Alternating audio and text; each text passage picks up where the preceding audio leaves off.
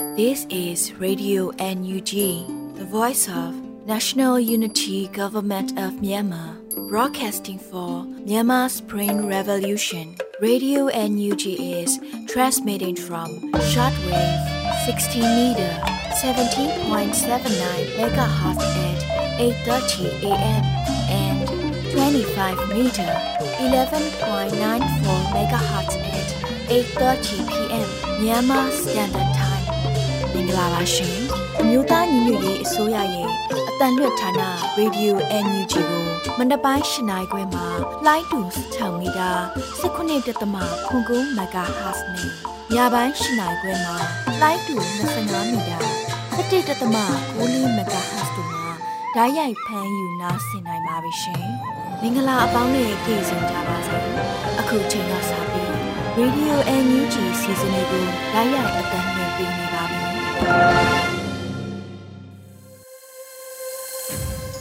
မြန်မာနိုင်ငံသူနိုင်ငံသားအပေါင်းတဘာဝပြီးစစ်ဟာနာရှင်ပြည်တို့ကနေကင်းဝေးပြီးကိုစိတ်နှစ်ပါးပြီးကင်းလုံးကြုံကြပါစေလို့ရေဒီယိုအန်ယူဂျီဖွယ်သားများကဆုတောင်းမြတ်တာပို့သလိုက်ရပါတယ်ရှင်။ခုချိန်ကစပြီးပြည်တွင်းသတင်းများကိုမျိုးဦးမှုမှဖတ်ကြားတင်ပြပေးပါရမရှင်။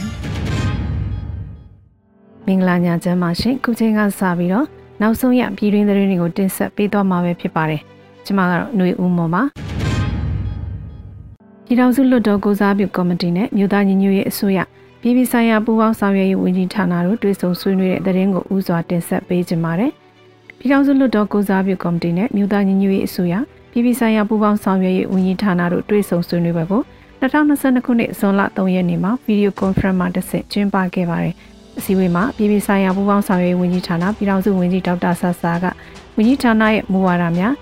မြို့သားညီညွတ်ရေးအစိုးရအားနိုင်ငံတကာအတိမတ်ပြုရေးအတွက်လှုံ့ဆော်နေမှုများလူသားချင်းစာနာထောက်ထားရေးဆိုင်ရာအကူအညီများနဲ့ဆက်လင်းပြီးနိုင်ငံတကာအဖွဲ့အစည်းများနဲ့ချိတ်ဆက်ဆောင်ရွက်နေမှုတွေကိုရှေ့ဆက်အကောင့်ထဲပေါ်ဆောင်ရွက်သွားမယ့်လုပ်ငန်းစဉ်တွေကိုရှင်းလင်းတင်ပြခဲ့ပါတယ်။တက်ရောက်လာတဲ့လွှတ်တော်ကိုယ်စားလှယ်များကဆွေးနွေးမေးမြန်းအကြံပြုခဲ့ကြပြီးရေးရာကော်မတီများမှလည်းလုပ်ငန်းဆောင်ရွက်မှုအခြေအနေများအားတင်ပြဆွေးနွေးခဲ့ပါတယ်။စီဝေကိုပြည်ထောင်စုလွှတ်တော်ကိုစားပြုကော်မတီအတွင်းမှုနဲ့ဖွဲ့ဝင်များရေးရာကော်မတီများမှကော်မတီဥက္ကဋ္ဌများ တွင်းမှုများပြည်ပဆိုင်ရာပူးပေါင်းဆောင်ရွက်ရေးဝန်ကြီးဌာနပြည်ထောင်စုဝန်ကြီးတို့တက်ရောက်ခဲ့ကြပါတယ်ရှင်။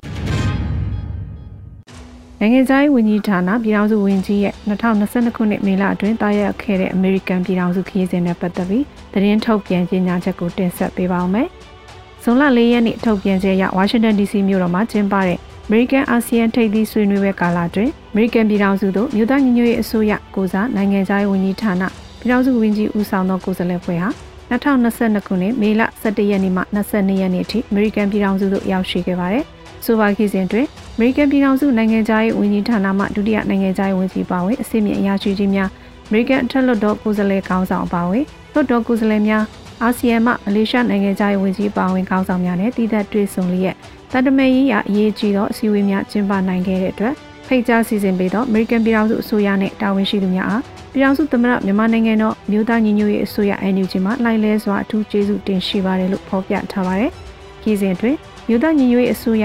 နိုင်ငံခြားရေးဝန်ကြီးဌာနပြည်ထောင်စုဝန်ကြီးဒေါ်စင်မအောင်နဲ့ကိုယ်စားလှယ်အဖွဲ့ဟာ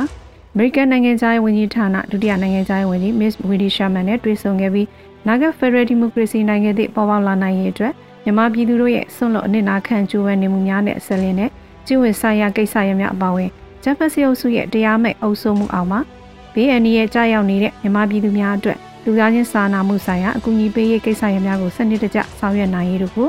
နှစ်ဖက်ရင်းနှီးပွင့်လင်းစွာအပြန်အလှန်ဆွေးနွေးနိုင်ခဲ့ပါတယ်။အလားတူ American သမ္မတ၏ဒီမိုကရေစီနှင့်လူ့ခွင့်ရေးဆိုင်ရာဒရိုက်တာ Robert Shinsky နဲ့၎င်းမလေးရှားနိုင်ငံသားရေးဝန်ကြီးနဲ့၎င်း American ထက်လို့တော့ Republican ကောင်းဆောင်နဲ့၎င်းအသီးသီးတွေ့ဆုံနိုင်ခဲ့တယ်လို့ထုတ်ပြန်ထားပါတယ်ရှင်။ ချင်းပြည်နယ်ပြည်သူလူထုတသိန်းနီးပါးဟာနေရက်စွန့်ခွာတိန်ရှောင်နေရပြီးလူသားချင်းစာနာမှုအကူအညီလိုအပ်နေတယ်လို့ပြည်ထောင်စုဝန်ကြီးဒေါက်တာဝင်းမြတ်အေးဆိုတဲ့သတင်းကိုတင်ဆက်ပေးကြပါမယ်။ဂျာကာလချင်းအမျိုးသားတိုင်ပင်ခံကောင်စီနဲ့မြို့သားညီညွတ်ရေးအစိုးရလူသားချင်းစာနာထောက်ထားမှုနဲ့တဘာဝဘေးစီမံခန့်ခွဲရေးဝန်ကြီးဌာနတို့ပူးပေါင်းစီစဉ်ကျင်းပတဲ့ချင်းပြည်နယ်အတွင်းလူသားချင်းစာနာထောက်ထားမှုအကူအညီလိုအပ်မှုဆိုင်ရာဆွေးနွေးပွဲမှာပြည်ထောင်စုဝန်ကြီးဒေါက်တာဝင်းမြတ်အေးကအခုလိုပြောဆိုခဲ့တာပါ။ခုဆိုရင် စည်ရင်းစရာတွေရ20ရာခိုင်နှုန်းသောချင်းပြည်သူလူထုတသိန်းနီးပါးဟာပြည်ရင်းကိုနေရဆွန်ခွာပြီးနန္ဒမေချင်းထိစက်နေတဲ့မီဇိုရမ်မဏိပူရစတဲ့ဒေသတွေမှာဒုက္ခတွေဖြစ်နေထိုင်နေကြရတယ်။သူတို့မှလက်တွေ့လူသားချင်းစာနာမှုအကူအညီလိုအပ်မှုနဲ့ကြုံတွေ့နေရတယ်လို့ဝန်ကြီးကဆိုပါတယ်။အဆိုပါချင်းပြည်နယ်မှာနေရစွန်ခွာတိန်ရှောင်နေသောပြည်သူလူထုအားပြည်သူမှပြည်သူတို့အကူအညီပေးမှုဖြင့် NUG အစိုးရကဆောင်ရွက်ပေးနေတယ်လို့ဝန်ကြီးကထပ်မံဆိုပါရရှင်။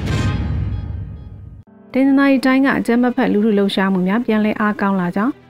Southern Monitor ကဖော်ပြတဲ့သတင်းကိုဆက်လက်တင်ဆက်ပေးပါမယ်။ခုလအတွင်းတနင်္လာရီတိုင်းတွင်ရှိမြို့နယ်ချို့မှာလက်နက်ကိုင်တိုက်ပွဲများနဲ့အကြမ်းဖက်ပြိပက္ခဖြစ်စဉ်များမြင့်တက်လာနေတော့လဲအကြမ်းဖက်လူလူလှုပ်ရှားမှုများတကြောပြန်အားကောင်းလာနေကြောင်းတွေ့ရတယ်လို့ Southern Monitor ကဆိုထားပါတယ်။ Southern Monitor ကပြုစုထားတဲ့အချက်လက်များအရတနင်္လာရီတိုင်းဒေသကြီးအတွင်းအခုနှစ်2022ခုနှစ်ဇန်နဝါရီလမှာပြုလုပ်ခဲ့တဲ့လူလူလှုပ်ရှားမှု29ကြိမ်မှာ ပြည်သူပါဝင်မှုဦးရေ284ဦးဖေဖော်ဝါရီလမှာလူလူလှုပ်ရှားမှု69ကြိမ်မှာပြည်သူပါဝင်မှုဦးရေ984ဦးမလမှာလူလူလှုပ်ရှားမှု42ကြိမ်မှာပြည်သူပါဝင်မှု454ဦးဧပြီလမှာလူလူလှုပ်ရှားမှု60ကြိမ်မှာပြည်သူပါဝင်မှု1293ဦးမေလမှာလူလူလှုပ်ရှားမှု49ကြိမ်မှာပြည်သူပါဝင်မှု1488ဦးအထိပါဝင်ခဲ့ကြောင်းတွေ့ရတယ်လို့ဆိုပါတယ်။ ကျမ်းမဖက်လူလူလှုပ်ရှားမှုများကိုရေးတွက်ရမှာမြို့ပေါ်သပိတ်နဲ့ခြေလက်သပိတ်များအဖွဲ့လိုက်အသေးစားဆန္ဒထုတ်ပုံမှုများညသပိတ်နဲ့စူတောင်းမှုများတန်တိတ်သပိတ်တန်ပုံးတိသပိတ်ပိုစတာများသင်္ကေတများဆိုင်းပုံများနဲ့ဆန္ဒထုတ်ဖော်တဲ့ online campaign များပါဝင်ပါတယ်ရှင်။ Michael PDF တရင်မှာကရင်နီကရားပြည်အတွင်းရှိ CDM မွေးနှံများအားထောက်ပံ့ငွေချီးမြှင့်နိုင်စေရန်ကျပ်သိန်း300 TTR JFK ထက်ထဲဝင်လှူဒန်းတဲ့သတင်းကိုဆက်လက်တင်ဆက်ပေးပါမယ်။ ဇွန်လ၄ရက်နေ့မှာ Michael PDF တရင်မှတရားဝင်သတင်းထုတ်ပြန်ခဲ့တာပါ။မြို့ဒေါ်လာရေးစတင်တဲ့အချိန်ကတည်းကဆီယနာရှိစနစ်ကိုဒေါ်လာရေးတအုံမှတိုက်ပွဲဝင်တော်လန်ခဲ့ကြတဲ့သူရဲကောင်း CDM မွေးနှံများရဲ့ပေးဆက်နစ်နာခံမှုများကိုမမေ့မလျော့ဂုံပြူသည့်အနေဖြင့်မိမိတို့ line copy PDF တရင်မှကရင်နီကရားပြည်အတွင်းရှိစီရီယံဝန်ထမ်းများအားထောက်ပံ့ငွေချီးမြှင့်နိုင်စေရန်ကျပ်သိန်း300တိတိအား GFK ထံထည့်ဝင်လှူဒန်းခဲ့ပါတယ်လို့ဖော်ပြထားပါတယ်။ လှူဒန်းငွေကြေးဟာတောင်းတန်းဂီတလက်မှတ်များရောင်းရငွေမှာပမာဏတစ်ခုဖြစ်တယ်လို့လည်းသိရပါတယ်ရှင်။ခုတင်ပြပေးခဲ့တဲ့သတင်းတွေကိုတော့ Radio Energy သတင်းတောက်မင်းမင်းကပေးပို့ထားတာဖြစ်ပါတယ်ရှင်။ခုဆက်လက်ပြီးသတင်းနဲ့အတူလူထုစကားသံအစီအစဉ်ကဏ္ဍကိုတင်ဆက်ပေးသွားမှာပဲဖြစ်ပါတယ်။ CDM ထောက်ပံ့သူတွေကိုစစ်ကောင်စီကပြစ်မှတ်ထားဖမ်းဆီးလာတဲ့အတွက်ထောက်ပံ့သူတွေဟာနေရဆွန့်ခွာထွက်ပြေးနေရပြီးမလုံခြုံမှုကိုခံစားနေရပါတယ်။ ရန်ကုန်၊ပဲခူး၊မွန်ပြည်နယ်နဲ့ကရင်ပြည်နယ်တွေက CDM ထောက်ပံ့သူတွေဟာနေရဆွန့်ခွာထွက်ပြေးနေရပြီးထောက်ပံ့တဲ့အလုပ်ကိုစနစ်တကျလုပ်ဖို့ပိုခက်ခဲလာတယ်လို့ CDM ထောက်ပံ့သူတို့ကဆိုပါတယ်။ဒီကေကောမှာတဆင့်ကျွန်တော်တို့လုံဆောင်ရရှိရတယ်ကိုကျွန်တော်ဆက်လက်ဆောင်ရတယ်ပေါ့။ခက်ခဲတော့အများကြီးပဲပေါ့ဗျာဟိုမလုံခြုံမှုတွေတခြားလိုအပ်တဲ့အပိုင်းတွေအဲ့အများကြီးပေါ်မှာတော့တော်တော်လေးကိုတော့ကျွန်တော်တို့လက်တွဲရင်ဆိုင်ရုန်းကန်ခဲ့ရတယ်ပေါ့ခက်ခဲတွေကတော့ပြောရရင်တော့တော်တော်များတယ်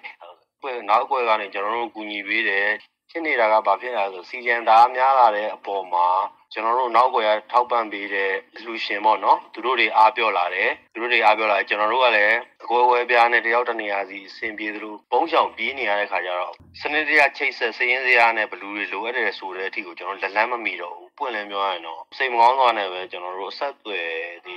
ပြတ်တောက်သွားတယ်ပေါ့နော်စီရီယမ်ငွေနှန်းတွေကိုပတ်စံညစ်ဖို့အတွက်စကောင်စီက905ထုတ်ဖမ်းဆီးလိုက်ပြန်လွှတ်လိုက်ပုံစံမျိုးနဲ့ရုပ်ပိုင်းဆိုင်ရာစိတ်ပိုင်းဆိုင်ရာနှမျိုးလုံးကိုထိခိုက်အောင်ပြုလုပ်နေပါတယ်။။ကုညီသူတွေကလည်းမြို့ပေါ်မှာနေထိုင်ပြီးပေါ်ပေါ်တင်တင်အလူခံတာမျိုးလုပ်ဖို့အခြေအနေလုံးဝမပေးတော့ဘူးလို့ကျမရေးစီရီယမ်ထောက်ပံ့သူတို့ကဆိုပါတယ်။ စီရီယံသမားတွေကြတော့သူတို့ဘယ်လိုတားဂက်မျိုးထားလဲဆိုတော့သူတို့ငွေညှစ်ဖို့အတွက်တားဂက်ထားတာပဲစီရီယံကိုသူတို့ပက်ရှာပေးမယ်ပြီးလို့ရှိရင်905ဘာညာထုတ်မယ်ထုတ်ပြီးတော့သူတို့အမှုဖွင့်မယ်ပေါ့နော်မှုဖွင့်ပတ်သက်လိုက်ရင်ပြန်လွတ်လာမယ်သူတို့ဒလန်လက်ညှိုးထိုးလို့ယူရှင်သူတို့ပြန်ဖမ်းမယ်ပြီးရင်ပတ်သက်ယူပြန်လွတ်မယ်ပေါ့စီရီယံသမားတွေရောဒီလိုမျိုးကျွန်တော်တို့ကဒီတော်လိုင်းကိုကျွန်တော်တို့ကမြဲမြဲစုပ်ကင်ထားမှရမယ်ဗျအဆုံးစုံကြီးမမိုက်ဖ ೇನೆ တော့ကျွန်တော်တို့ပြန်ဝင်မယ်ဆိုလို့ရှိရင်တော့သိကြတယ်ကျွန်တော်တို့ UG နဲ့တော်လျာတဖို့ညီနဲ့ဆိုလို့ရှိရင်တော့အရှင်ဖမ်းဖို့တော့သူတို့အစီအစဉ်မရှိတဲ့ပုံစံမျိုးတွေပေါ့တွင်းရင်သူတို့ပြတ်သက်တာမျိုးတွေလုပ်မယ်စေကြောကြီးမှာတွေမကြောဖြတ်နိုင်မင်းနဲ့စေကြောကြီးတွေမှာကြာသွားတဲ့ UG ရဲဘော်တွေလည်းအများကြီးပဲဗျမြန်မာနိုင်ငံမှာအစိုးရဝန်ထမ်းစုစုပေါင်း12သိန်းကျော်လောက်ရှိပြီးအဲ့ဒီထဲကဌာနဆောင်ဝန်ထမ်းအများစုဟာဆီယနာရှင်စန့်ကျင်ရဲ့ CDM လှုပ်ရှားမှုမှာပါဝင်ခဲ့တာဖြစ်ပါတယ်စစ်ကောင်စီရန်နေရာတွေမလဲပတ်နိုင်အောင် CDM ဝန်ထမ်းတွေကအဓိကအားဖြည့်ပေးခဲ့တာကြောင့်တွန်လေးဟာမျောမှန်းထားတာထက်ပိုပြီးအားကောင်းခဲ့တာဖြစ်ပါတယ်။ဒီသတင်းကိုတော့ຫນွေဦးကီကပေးပို့ထားတာဖြစ်ပါတယ်။ NUG အစိုးရဟာတာဝန်ရှိသူတွေအနေနဲ့ PDF ကိုထောက်ပံ့တဲ့အထက်က 10ရာခိုင်နှုန်းလောက်ကို CDM သမားတွေအတွက်ခွဲတမ်းပေးစီခြင်းတယ်လို့တက္ကသိုလ်ဆရာသမဂ္ဂများ CDM Supporting Committee တာဝန်ရှိသူကပြောပါတယ်။ဝန်ထမ်းတွေဟာအချိန်15လနီးပါးကြာချိန်မှာတော့ဆိုးရွားတဲ့အခြေအနေတွေနဲ့ရင်ဆိုင်နေရတယ်လို့ဆိုကြပါတယ်။ပညာရေးဝန်ထမ်းတွေကိုအကူအညီပေးဖို့တက္ကသိုလ်ဆရာသမဂ္ဂများ CDM Supporting Committee ကိုဖွဲ့စည်းပြီးတက္ကသိုလ်ဆရာဆရာမတွေသာမကအခြေခံပညာကဆရာဆရာမတွေကိုအဓိကပံ့ပိုးပေးနေပေမဲ့ချိန်ကြာလာတာနဲ့အမျှလူရှင်တွေလက်ပန်းကျလာတယ်လို့ တက္ကသိုလ်ဆရာသမဂ္ဂများ Syrian Supporting Committee တာဝန်ရှိသူတို့ကဆိုပါတယ် ဆရာကတယောက်မရရင်တယောက်ဖမ်းနေရလေသားမရပေပေကိုမရရင်သားကိုဖမ်းနေရဆိုတဲ့အတွက်ကြောင့်မို့မိသားစုလည်းပြေးလာဒီထားမှာငွေကြေးမပြည့်မစုံနဲ့ဆိုရင်တော်တော်လေးကိုဒုက္ခရောက်ကြ။ဒီနေ့ကသွားကြည့်ရဆိုဆရာမတယောက်ဆိုရင်ပွင့်လင်းပြောဆရာဆရာမတယောက်ကိုသိခါနဲ့ညီတဲ့ဝစားစီမှုတော့မလုံနိုင်တဲ့ဝစားတွေမှာတော်တော်လေးကိုနွမ်းနွမ်းဖက်ဖက်နဲ့ဖြစ်နေကြတယ်။ဒါပေမဲ့သူတို့တွေကတော့လူမှုရေးဒုက္ခစီးပွားရေးဒုက္ခတွေခါးပြီးဆိုခံနေရပြီမဲ့သူတို့ကတော့ဆရာဟိုတွေကပြောလိုက်တော့ဆရာကျမတို့ကဆုံးနေသွားပါဖြစ်ချင်ခဲ့တော့အကောင့်ထတော့ညီမနဲ့တော့ပေါ့နော် ဒီမနက်တော့တဲ့အခြေအနေသူတို့ဆုံးထိသွားဖို့ရွေထားတယ်ဒီလိုပြတ်သားခိုင်မာရက်တည်ထားတဲ့ဒီဆယ်ဆယ်မတွေကိုသက်ဆိုင်ရာ stakeholder တွေနဲ့ ဒိုနာအဖွဲ့အစည်းတွေနဲ့နည်းနည်းတော့ပံ့ပိုးပေးပါကူညီပေးပါ PDF ကိုလည်းလုပ်ပါဆရာအနေနဲ့ပြောတာ PDF ကိုသွားတဲ့အလှငွေရဲ့10%လောက်ဆရာတို့ဒီဘက်မှာစီရီယံကိုသွားမယ်ဆိုရင်လေ PDF လည်းအဆင်ပြေမယ်ဆရာတို့ဒီစီရီယံကိုလည်းတိုင်းတာကိုသူတို့စာဝန်တွေအတွက်ရက်တည်မှုအတွက်ထိုက်တဲ့လောက်ပံ့ပိုးကူညီမှုလုပ်လို့ရတယ်ပေါ့နော်စစ်ကောင်စီကစီရီယံဝန်ထမ်းတွေကိုအလုပ်ပြန်ဝင်ဖို့နှီးမျိုးစုံနဲ့ဖိအားပေးနေတာသူတို့စကားနားမထောင်တဲ့သူတွေကို905ထုတ်ပြီးအဖမ်းဆီးကြမ်းလာတာတွေကြောင့်စီရီယံဝန်ထမ်းတချို့ဟာနေရက်စွန့်ခွာထွက်ပြေးနေရပါတယ် ဒီဝန်ထမ်းတွေကိုအကူအညီပေးဖို့ပံ့ပိုးကူညီသူတွေကျင်းတဲ့အောင်ပွင့်လင်းမြင်သာမှုရှိရှိဆောင်ရွက်ပေးပြီးစ조사လူခံနေရတယ်လို့စီရီယံထောက်ပံ့သူကျောင်းဆရာတဦးကပြောပါတယ် ကျွန်တော်တို့ရဲ့လုံခြုံရေးပေါ့ဗျာကျွန်တော်တို့က CDM လုပ်တဲ့ဆိုရုံနဲ့မကဘူး CDM မှာ CDM အင်အားစုပုံမှုအားကောင်းလာအောင်နောက်က CDM ဒီရည်ရှိရက်တည်နိုင်အောင်ဆိုပြီးကျွန်တော်တို့ကစီမံနဲ့လှုပ်ဆောင်တဲ့တချို့ကိစ္စလေးတွေရှိတယ်ဒီအတွက်ကြောင့်မလို့ကျွန်တော်တို့ကလည်းစကားစကားနေပြီးတော့905ထုတ်ပြီးတော့ပေါ့နော်905ကကြီးထုတ်ပြီးတော့ကျွန်တော်တို့အမ်းမှုစီးဖို့လုပ်တယ်အဲတချို့လုပ်ပေါ်ကိုင်ဘက်တွေဆိုလို့ရှိရင်လည်းအခန်းစီခံရတဲ့အတွက်ကြောင့်ကျွန်တော်တို့မှာအခက်အခဲရှိပါတယ် ကျွန်တော်တို့ကဝန်ထမ်းနဲ့ထုတ်ခံထားတဲ့အတွက်ကြောင့်အပြင်မှာလောက်ကင်စားတောက်လို့လည်းမရဘူးဒီအတွက်ကြောင့်ကျွန်တော်တို့ရဲ့စာဝန်နေရေးကလည်းအခက်အခဲရှိပါတယ်ကိုကိုတိုင်းကိုလည်းလုံခြုံရေးအတွက်စိတ်ပူကြသလိုမိသားစုရဲ့လုံခြုံရေးအတွက်လည်းစိတ်ပူကြတာပေါ့နော်အမျိုးသမီးဆိုလည်းဈေးထွက်ဝယ်ဖို့အစားသူကိုတိုင်းအလုပ်ကိုင်းလုပ်ဖို့အစားတလို့အခက်အခဲတွေရှိပါတယ်အာနာသိစစ်ကောင်စီကအာနာဖီဆန်ရေးလှုပ်ရှားမှုစီရီယံမှာပါဝင်တဲ့ခြေကပညာဆရာဆရာမတွေကို2021မတ်လကလေးကဇက်တိုက်ဖိအားပေးနေရကနေ မေလာရင်းမှာတော့တနိုင်ငံလုံးကအခြေခံပညာစီရီယံဝန်ထမ်း3,200ကျော်ကိုလုတ်ကနေရနာကြောင့်ထုတ်ပြန်ခဲ့ပါတယ်။ဒီသတင်းကိုຫນွေဦးကေကပေးပို့ထားတာပဲဖြစ်ပါတယ်ရှင်။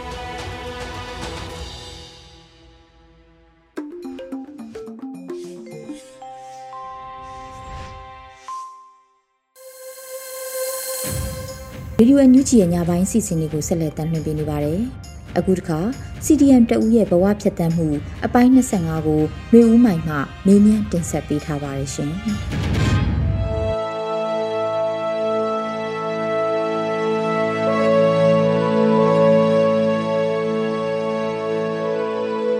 မင်္ဂလာပါရှင်။အမကဘေဌာနကနေ CDM လို့ဖြစ်ခဲ့တာလဲဆိုတာအရင်ဆုံးသိပြစေရှင်။ဟုတ်ကဲ့မင်္ဂလာပါရှင်ကျွန်မပြည်내ဝန်ကြီးဌာနမှာ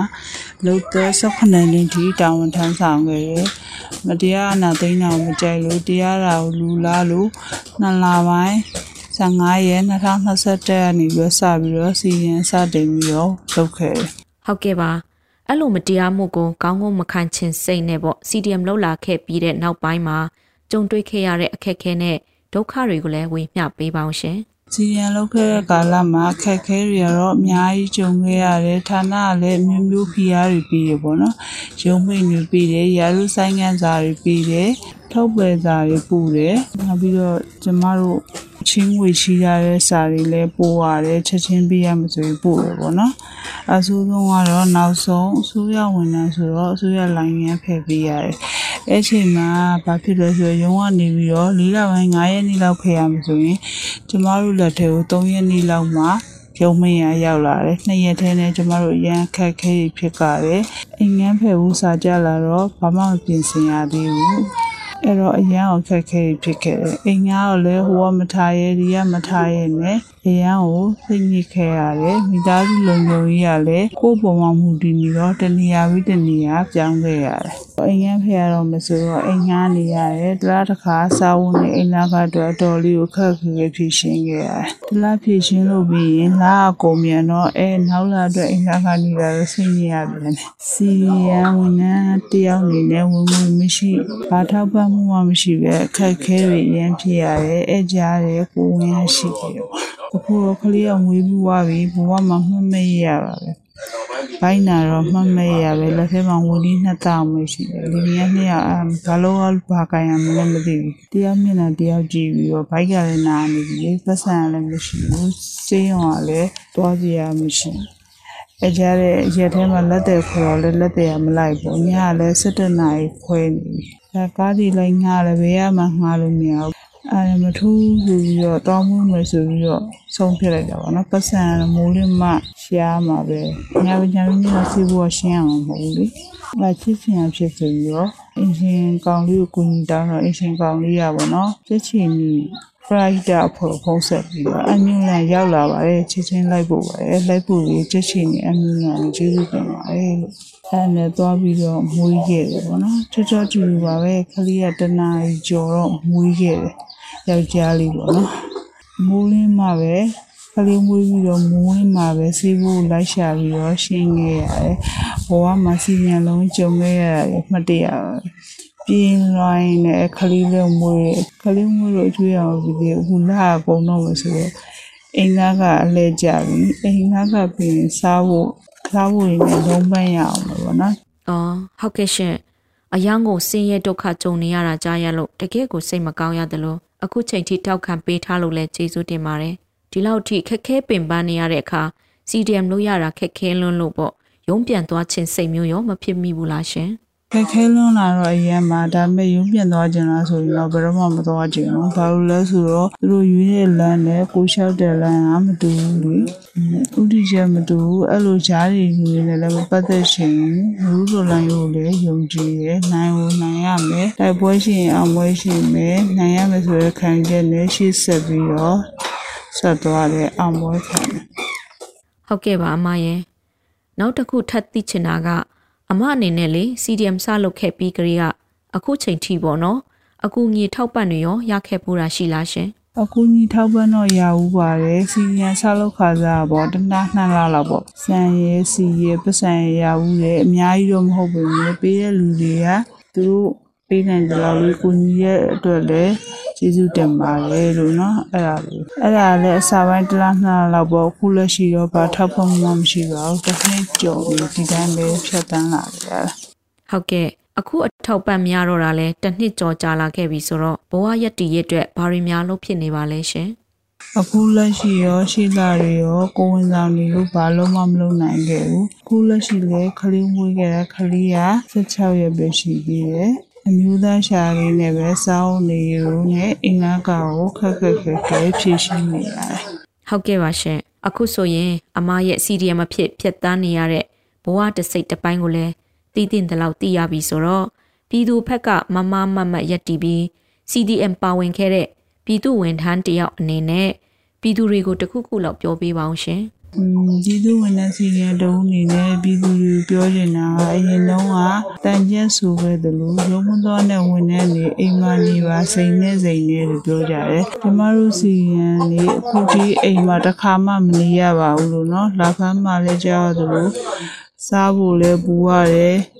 နေဖို့လည်းပူရတယ်ပြန်ရတာလည်းတနေရာပြီးတနေရာနောက်ပြီးတော့ သူတို့ဆိုခဲ့သလိုရုံမသွားနဲ့ဝင်နေနေပြည်သူတွေရဲ့ကြွေးထားမှာပြရတယ်ဟုတ်ကဲ့ကျေးဇူးတင်ပါတယ်လို့နော်ပြည်သူတွေတက်နိုင်တဲ့လောက်စီရီယန်တွေကိုကူညီကြပါထောက်ပံ့ကြပါတက်နိုင်တဲ့လောက်လေးကူညီပေးကြမယ်ဆိုရင်တော်လိုင်းရေးကြီးရတော့အဲ့လောက်မကြောက်ဘူးလို့ထင်ပါတယ်ဟုတ်ကဲ့ပါအမတို့နဲ့ဘဝတူ CDM ဝန်ထမ်းတွေကိုရောဘယ်လိုမျိုးစိတ်သက်ခွန်အားတွေပေးချင်ပါသေးလဲရှင် ဘဝလူစီရန်တွေပြောချင်တာစိတ်တက်မကြပါနဲ့ကျမကိုယ်တိုင်လည်းအရန်ကိုခက်ခဲနေနဲ့ခက်ခက်ခဲအသက်ဆက်နေရပါတယ်ပြောချင်တာကျမကိုယ်တိုင်ကြုံတွေ့ရတာတွေကဒါပေမဲ့လည်းအားမလျှော့ပါဘူးအဆုံးထိစီရီယန်မှာလို့ပြောရင်ဘဝလူစီရန်တွေအကုန်လုံး fighting ပါလို့အောင်ပွဲကြီးကနေပြီးမိုးအားမလျှော့ပဲအတူတူရှိဆက်ပြီးတော့အောင်ပွဲခံကြမယ်လို့နော်ကျေးဇူးတင်ပါတယ်ရှင်ဒီတော့ပေါ်အောင်ပါမယ်ဟုတ်ကဲ့ပါ အခုလိုခက်ခဲပင်ပန်းနေတဲ့ကြားကနေအဆုံးထိတောင့်ခံရပ်တည်ပေးတဲ့အတွက်ပြည်သူတွေရဲ့ကိုစားလဲကျေးဇူးတင်ပါတယ်အခုလိုချိန်ပေးဖြေချပေးတဲ့အတွက်လဲ Radio UNG ကကျေးဇူးအထူးတင်ပါတယ်ရှင်ကိုမရွေးမဲရွေးလိုက်ရတယ်လေချမ်းမဲဆိုတာသိရဲ့ထွက်ခဲ့ရပြီရှောင်ဘူးတယ်လေလွယ်တွေခွာချလို့ စားခင်ရပြီရတာတွေမလို့ချင်တဲ့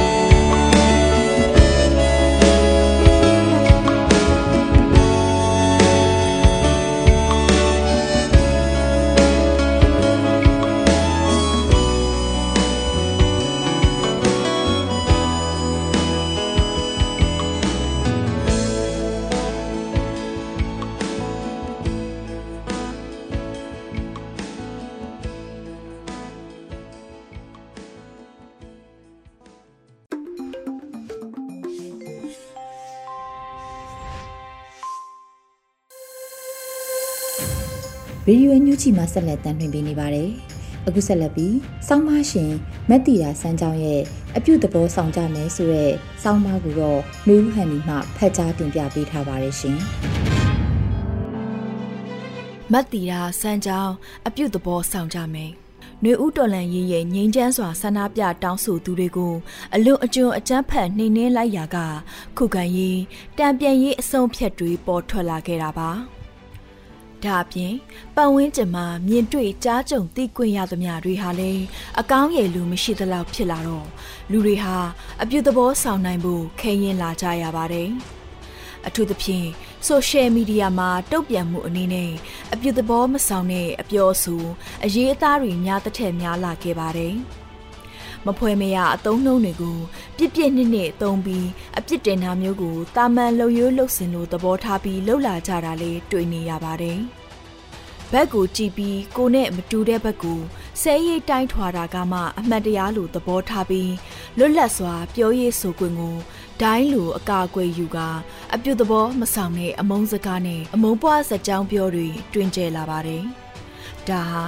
ဒီမိုကရေစီကိုပန်းတိုင်အနေနဲ့သတ်မှတ်ထားတဲ့လူအဖွဲ့အစည်းတစ်ရက်အတွက်တော့ဝန်နေပွေပါပဲ။မြေပြင်မှာစကစလက်နက်ကိုင်းတွေကိုတုံ့ပန်းအဖြစ်ဖမ်းမိတဲ့အခါနှွေဦးသမားတွေကလူသားချင်းစာနာလို့ကောင်းမွန်စွာဆက်ဆံနိုင်ကြတာကိုတွေ့ပြီးအားတက်ရပေမယ့် Facebook ပေါ်မှာတော့လူပုဂ္ဂိုလ်အလိုက်ပါတီအလိုက်လူမျိုးအလိုက်လက်နက်ကိုင်အဖွဲ့အလိုက် အယူဝါဒရေးရာအငင်းပွားတဲ့အခါအပြုသဘောမဆောင်တဲ့အရေးအသားအတုံးနှုံတွေအငင်းဝါကြတွေကိုလှိုင်လှိုင်သုံးလာကြတာကိုလည်းတတိထားမိပါတယ်